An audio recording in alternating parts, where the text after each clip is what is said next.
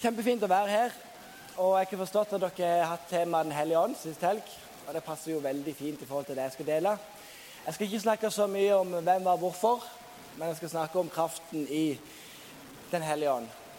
Jeg har jo forstått det sånn at dere har litt fokus på å komme dypere og lengre med Jesus dette halvåret her. Iallfall når jeg var på bønnemøte, så merker jeg at det var fokuset i bønnen. Så det er jo veldig fint. For det samme ønsker jeg. Jeg lengter jo etter at vi skal se enda mer av det Jesus er for oss.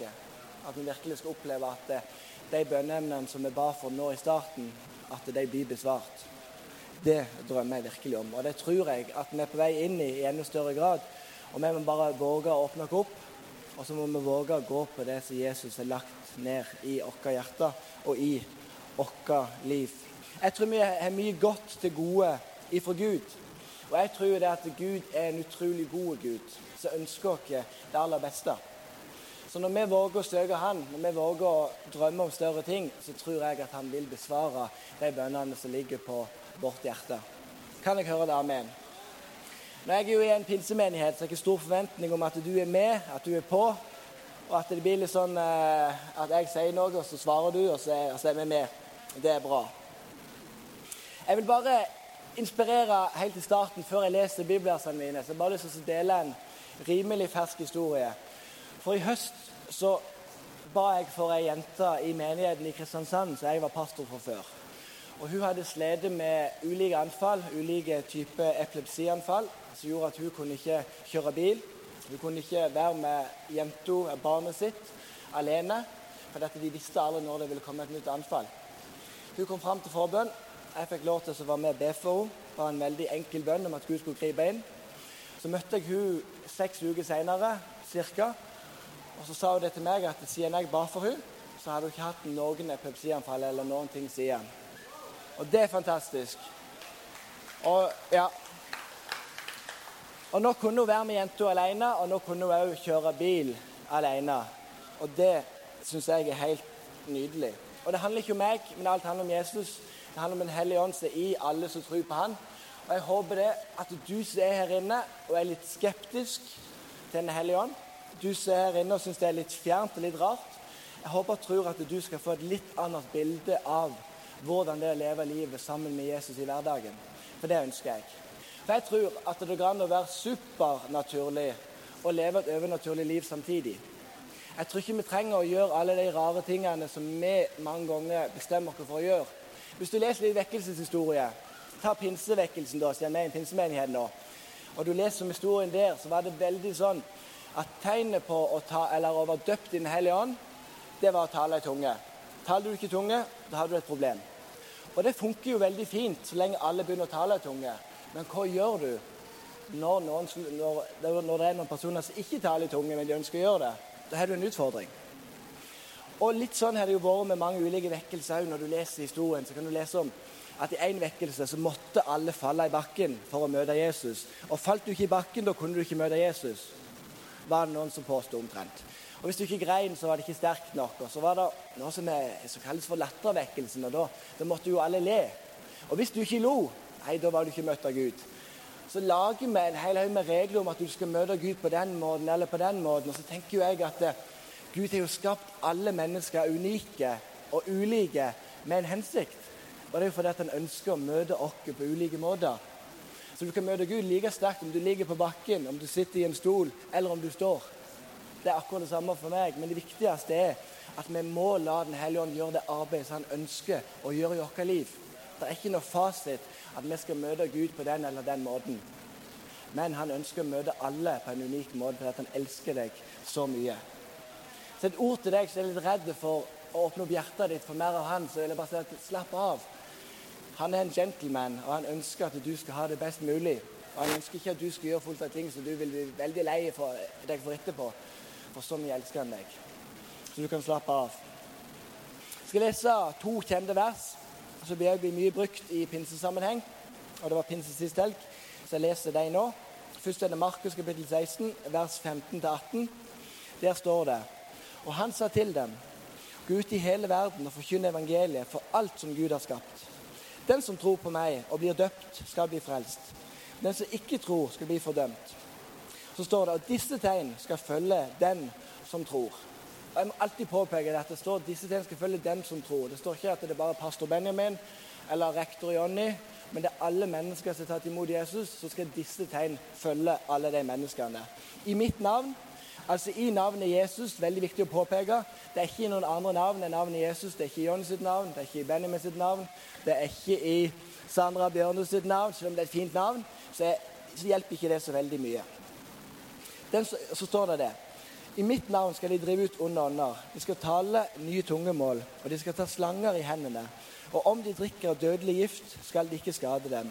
Og når de legger hendene på syke, skal de bli friske, står det der. Så vil jeg òg lese Apostelens gjerninger 1,8.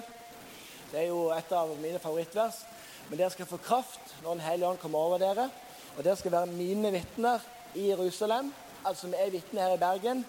Så skal vi vitne i hele Judea. Vi tar en tur ut til Åsane. Og så skal vi vitne helt til Samaria, til Os. Og så skal vi til jordens ende, til Sukkenland, der jeg kommer fra. ikke sant? Med hele landet. Og så enda lengre bort enn akkurat der. Og dette er til alle sammen som er her inne. Når du er sjuk, hva er det første du pleier å gjøre? Jo, det er jo å ta deg en Paracet. Du kjenner du vondt i hodet, du har vondt i halsen, så tar du deg en Paracet. Og hvis ikke den Paraceten funker, hva gjør du da? Du merker at feberen øker jo. Så tar vi ofte en tur til legevakten, for vi har mye feber. Og legevakten kan selvfølgelig hjelpe oss. Ta en tur på legevakten, og så kan ikke legevakten hjelpe oss. Da må vi kanskje på sykehuset, så ligger vi der. Og Når vi ligger på sykehuset og alt håp er ute, hva er det da vi pleier å gjøre? Jo, da pleier vi å komme på en lur idé. Ja, men vi kan jo be til Jesus om at Jesus skal gripe inn i livet. Jeg er sikker på at du kjenner deg igjen i det. At det er dessverre ikke så naturlig for oss å be til Jesus med en gang. Men Jesus blir nummer to eller Jesus blir nummer tre, og Paracet er bra. Og jeg takker Gud for Paraceten, for den bruker jeg jevnlig. Eh, ikke hver dag, altså, det gjør jeg ikke, men i ulike sammenhenger. Når jeg trenger den, så gjør jeg det. Og jeg er takknemlig for det.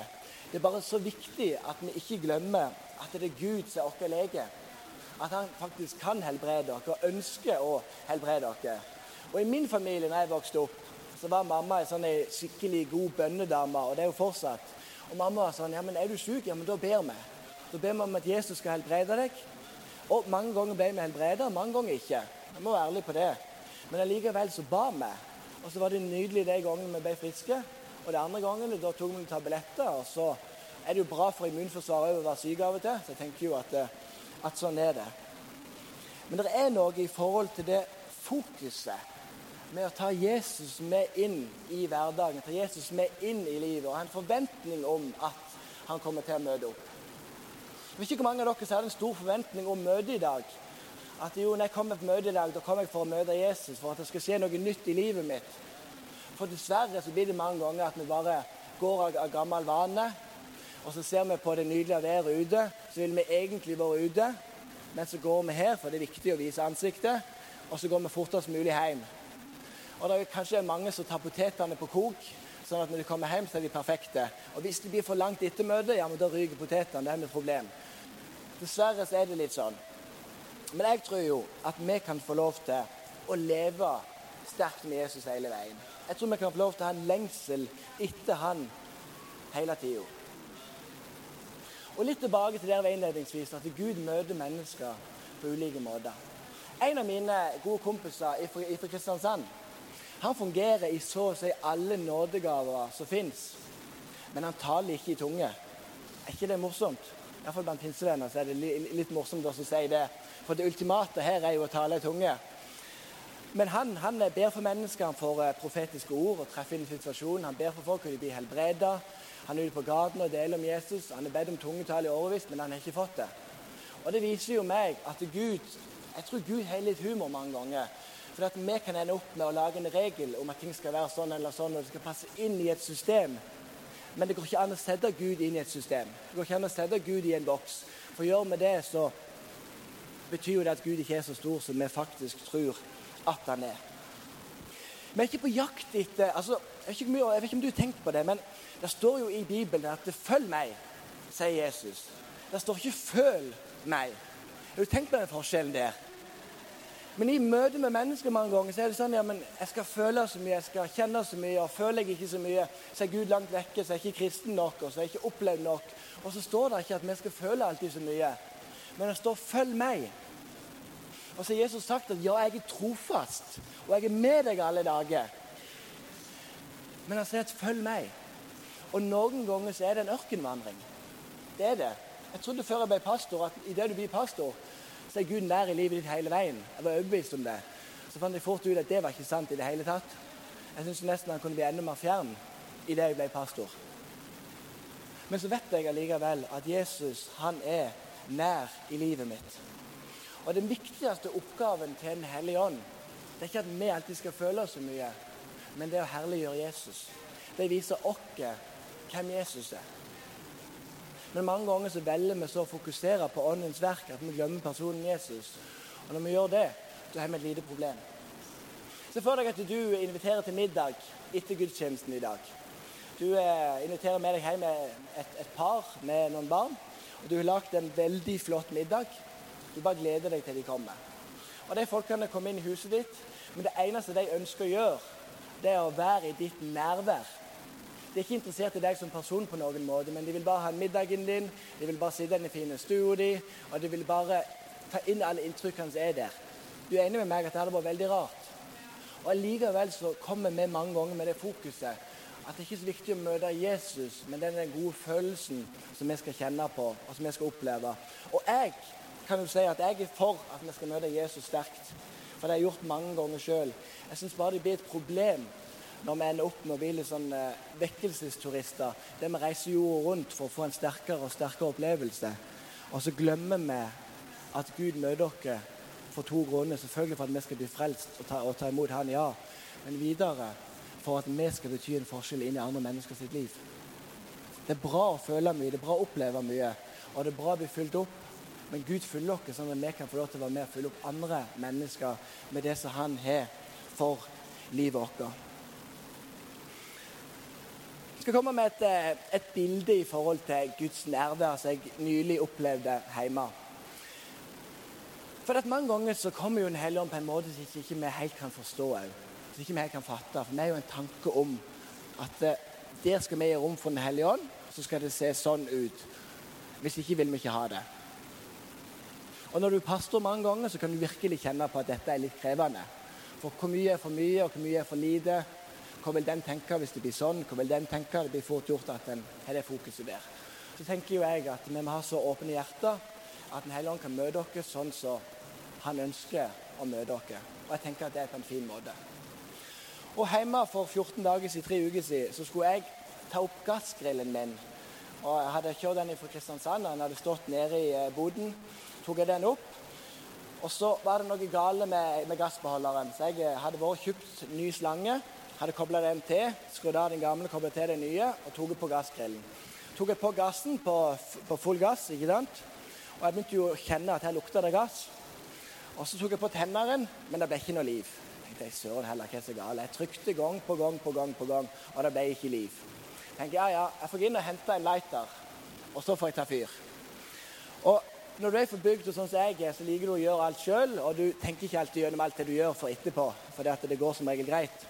Og det jeg gjør, er at jeg tar en sånn lang lighter, og så bøyer jeg meg ned over grillen. At jeg ligger og kan, og kan kjenne grillrista i ansiktet. Og så tenner jeg på. Og idet jeg tenner på, så er det jo et lass med gass der. Og det tar jo fyr, alt sammen. Og håret mitt begynner å brenne. Og øyenbrynene mine begynner å brenne, og jeg støkker jo noe vanvittig. Og Kristine, min kone, sitter jo der borte og blir ganske redd med en gang. Så jeg må bare kjappe meg og få vekk eh, eh For det brenner i håret. Og hele håret ryker. Så jeg måtte jo gå og klippe meg noen dager seinere, for det var jo bare brent alt sammen. Og bildet jeg satt igjen med etter det, var jo nettopp det. At noen ganger Og ikke misforstå bildet mitt, for Gud kommer ikke for å brenne oss på en feil måte. Viktig å påpeke det. Men Gud kommer noen ganger overraskende på oss. Han kommer når vi ikke alltid forventer det. Han kommer kanskje på en måte som vi ikke alltid forventer at han skal komme på. Og da handler det om at vi må være våkne og åpne for at han skal møte oss på den måten. La meg dele et par morsomme historier i forhold til Den hellige ånd. For det er viktig at vi forstår bredden her. For alle vet hvis du tror på Jesus noen år, at det, det skjer mye rart i navnet Jesus. Kan vi være enige om det? Og vi kan også være ærlige på at det er ikke alltid når ting blir sagt i navnet Jesus, at det er Jesus som sier det. Ok?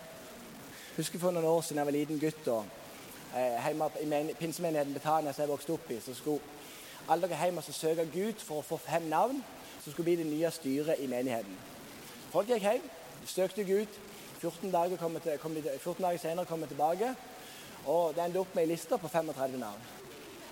Og Da kan du stille spørsmålet er Gud schizofren. Nei, han er ikke det. på noen måte. Men vi er mennesker, og vi har følelser. Søskenbarnet mitt han var på eh, et møte for en del år siden. Og På det møtet så var han supertrøtt. Han holdt på å sovne under hele talen og ville egentlig bare hjem. Han var så trøtt. Men i den menigheten som han gikk i, så var det veldig vanlig at under forbønnen så ble de bedt for, og så falt de mange ganger i bakken. Så han tenkte det at det jeg gjør, det er at med en forbønnen kommer, så lurer jeg meg fram. Jeg får forbønn, og så faller jeg i bakken bare av egen kraft. Så kan jeg få, få lov til å sove. Han går fram, og de ber for ham, og han legger seg bevisst i bakken, og der sovner han. Veldig fint. Det er jo én måte å møte Gud på. Tante mi var òg på et møte. Hun kom fram til forbønn, og den personen hun var da, det var det jo veldig sånn at eh, når, når de ble bedt for, så måtte jo alle falle i bakken. Hvis ikke så var de ikke sterke nok. Det var steingulv. altså Det var bare fliser over hele gulvet der hun var. Hun hadde på seg veldig høyhælte sko. Dere ser før dere bildet. Veldig høye hæler. Går fram, og du kjenner lyden. Blir stående sånn. Og forkynneren han begynner å be for henne. Og Så begynner han jo også å skutte altså han begynner å dytte henne bakover. Og Da går jo hodet sånn etter hvert, og hun mister faktisk balansen. Og når hun mister balansen, så faller hun rett ned på steingulvet og slår seg ekstremt kraftig i halebeinet og blir liggende hjemme i et par uker etterpå pga. det. Og Jeg kan skrive under og si at det er ingenting med Den hellige ånd å gjøre at det skjedde på den måten der.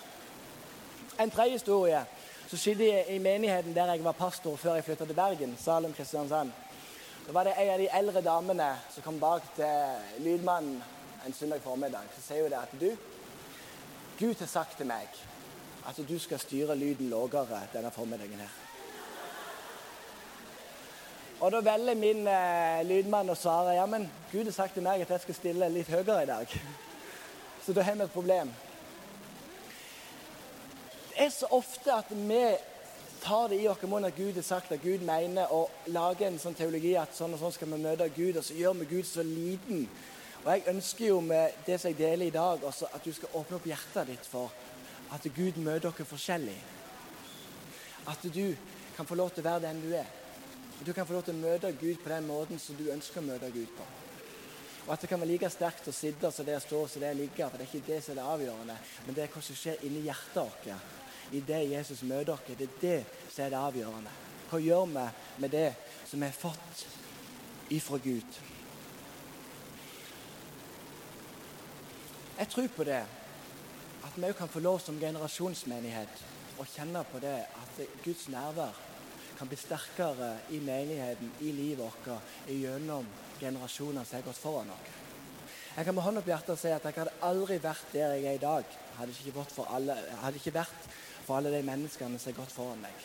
Alle mine mentorer, min, min mamma, min pappa, mine besteforeldre.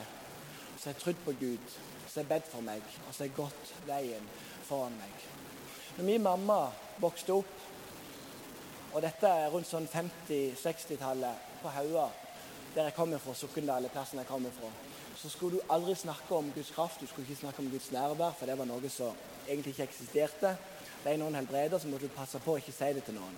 For det var viktig at en skulle være religiøse og ha ansiktet oppe og passe på at det ikke ble for voldsomt. Onkelen til min mamma han hadde gaven i forhold til helbredelsestjeneste og kunne høre veldig mye ifra Gud.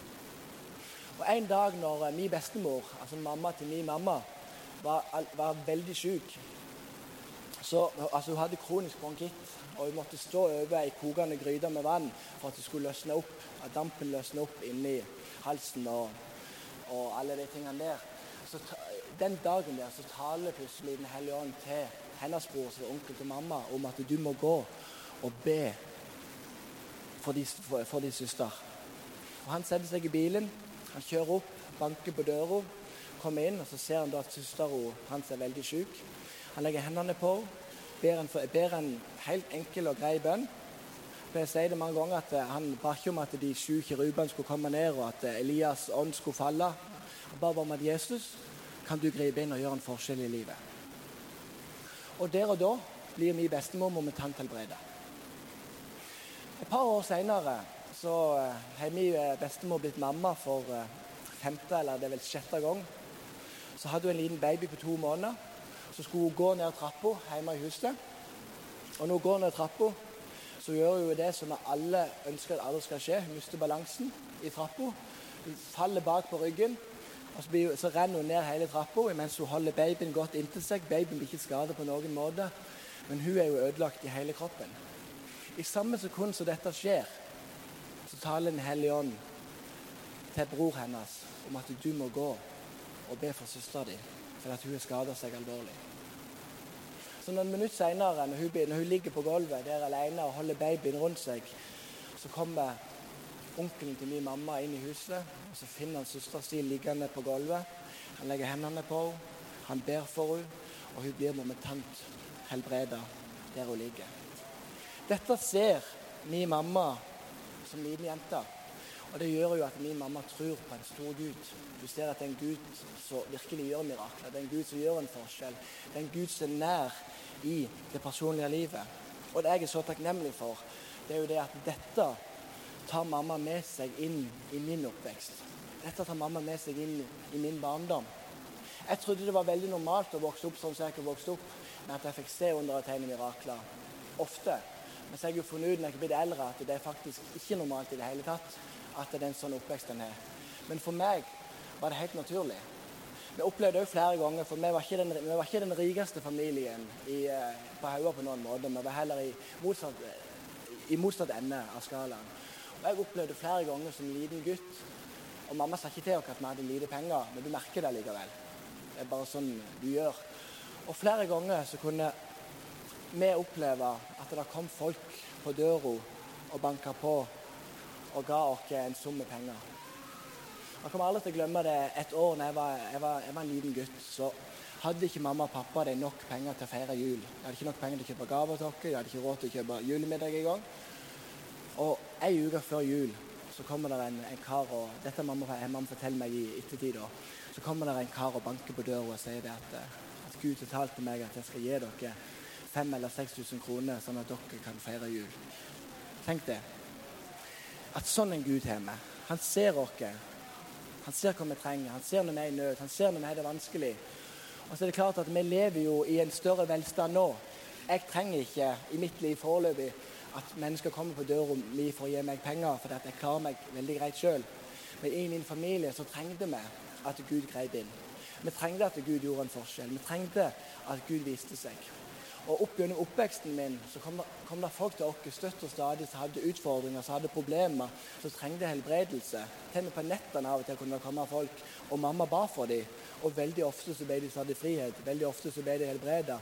Og mange av dem tok imot Jesus. Og selvfølgelig så var det jo folk òg som kasta røyken i Jesu navn, og så så jeg de senere på kvelden så hadde de kjøpt en ny rød tre. Altså, det er alltid noen av dem, og det er fint. så det, Vi må jo bare prøve oss fram. Men jeg fikk se at Den hellige ånd er ikke noe som bare er fjernt. Det er ikke bare en person som er der ute, men jeg fikk se at Den hellige ånd er like viktig i treenigheten som det Gud og Jesus er. For mange ganger så er det Gud og Jesus som er der, og så drar vi vekk Den hellige ånd. Og så glemmer vi at kraften i den treenige Gud, som er Gud, Jesus og Den hellige ånd, det er Den hellige ånd. Og Da må vi åpne oss opp for den kraften. Da må vi åpne oss opp for det nærværet som ligger der.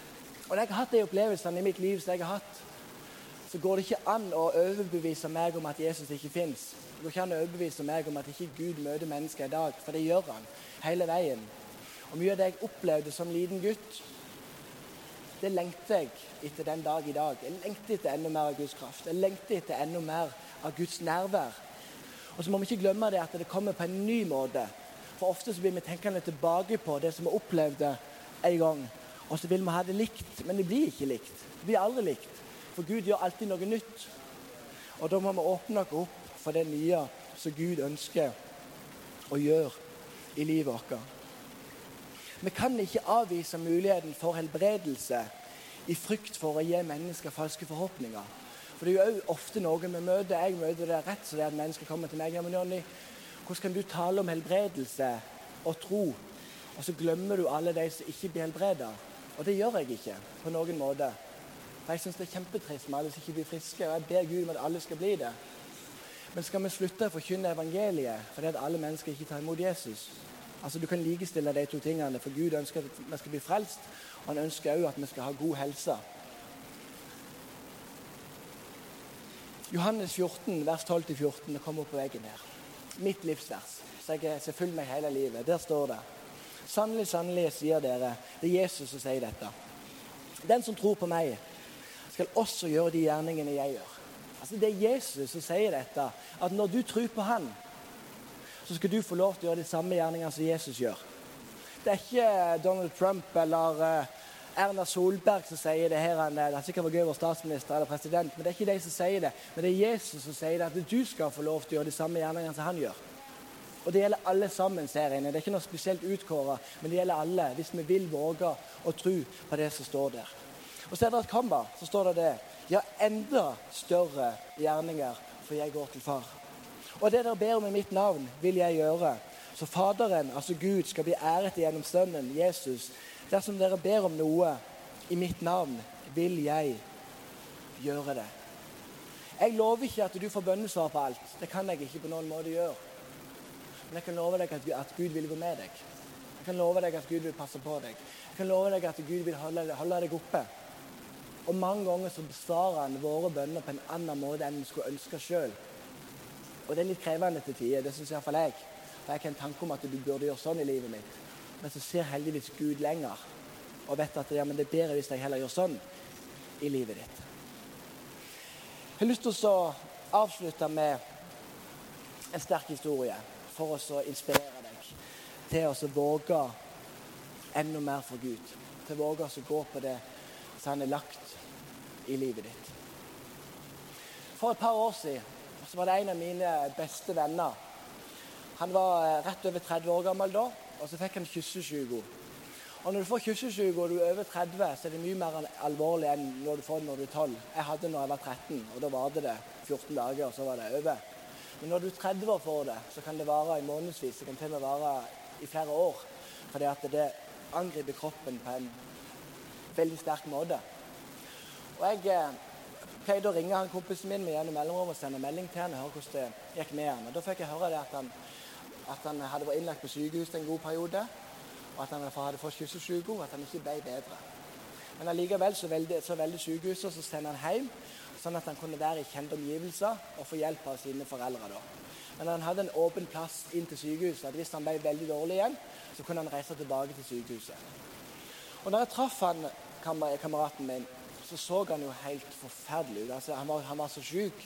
Han var så opphovna i hele ansiktet. Han hadde ulike byller i munnen, og du kunne se at, eh, ja, at han hadde det ikke greit. Og Vi prata sammen en, en, periode, og så på slutten av, av vår prat så eh, la jeg hendene på han, og så ba jeg en enkel bønn. Jeg ber ofte veldig enkle bønner bevisst. Så ber jeg om at Jesus kan ikke du røre med kameraten min som heter Øyvind? Helbrede han, ta vekk smerten. Ta vekk det som er vondt. Ta vekk det som gjør at han ikke kan fungere sånn, sånn, som han skal gjøre. Jeg ba den bønnen, og jeg kjente ikke Guds nerver på en sterk måte. Jeg gjorde ikke det. Men det var et navn som ble nevnt, og det var navnet Jesus. Og når navnet Jesus blir nevnt, da kan alt skje. Rett og slett så kan alt skje.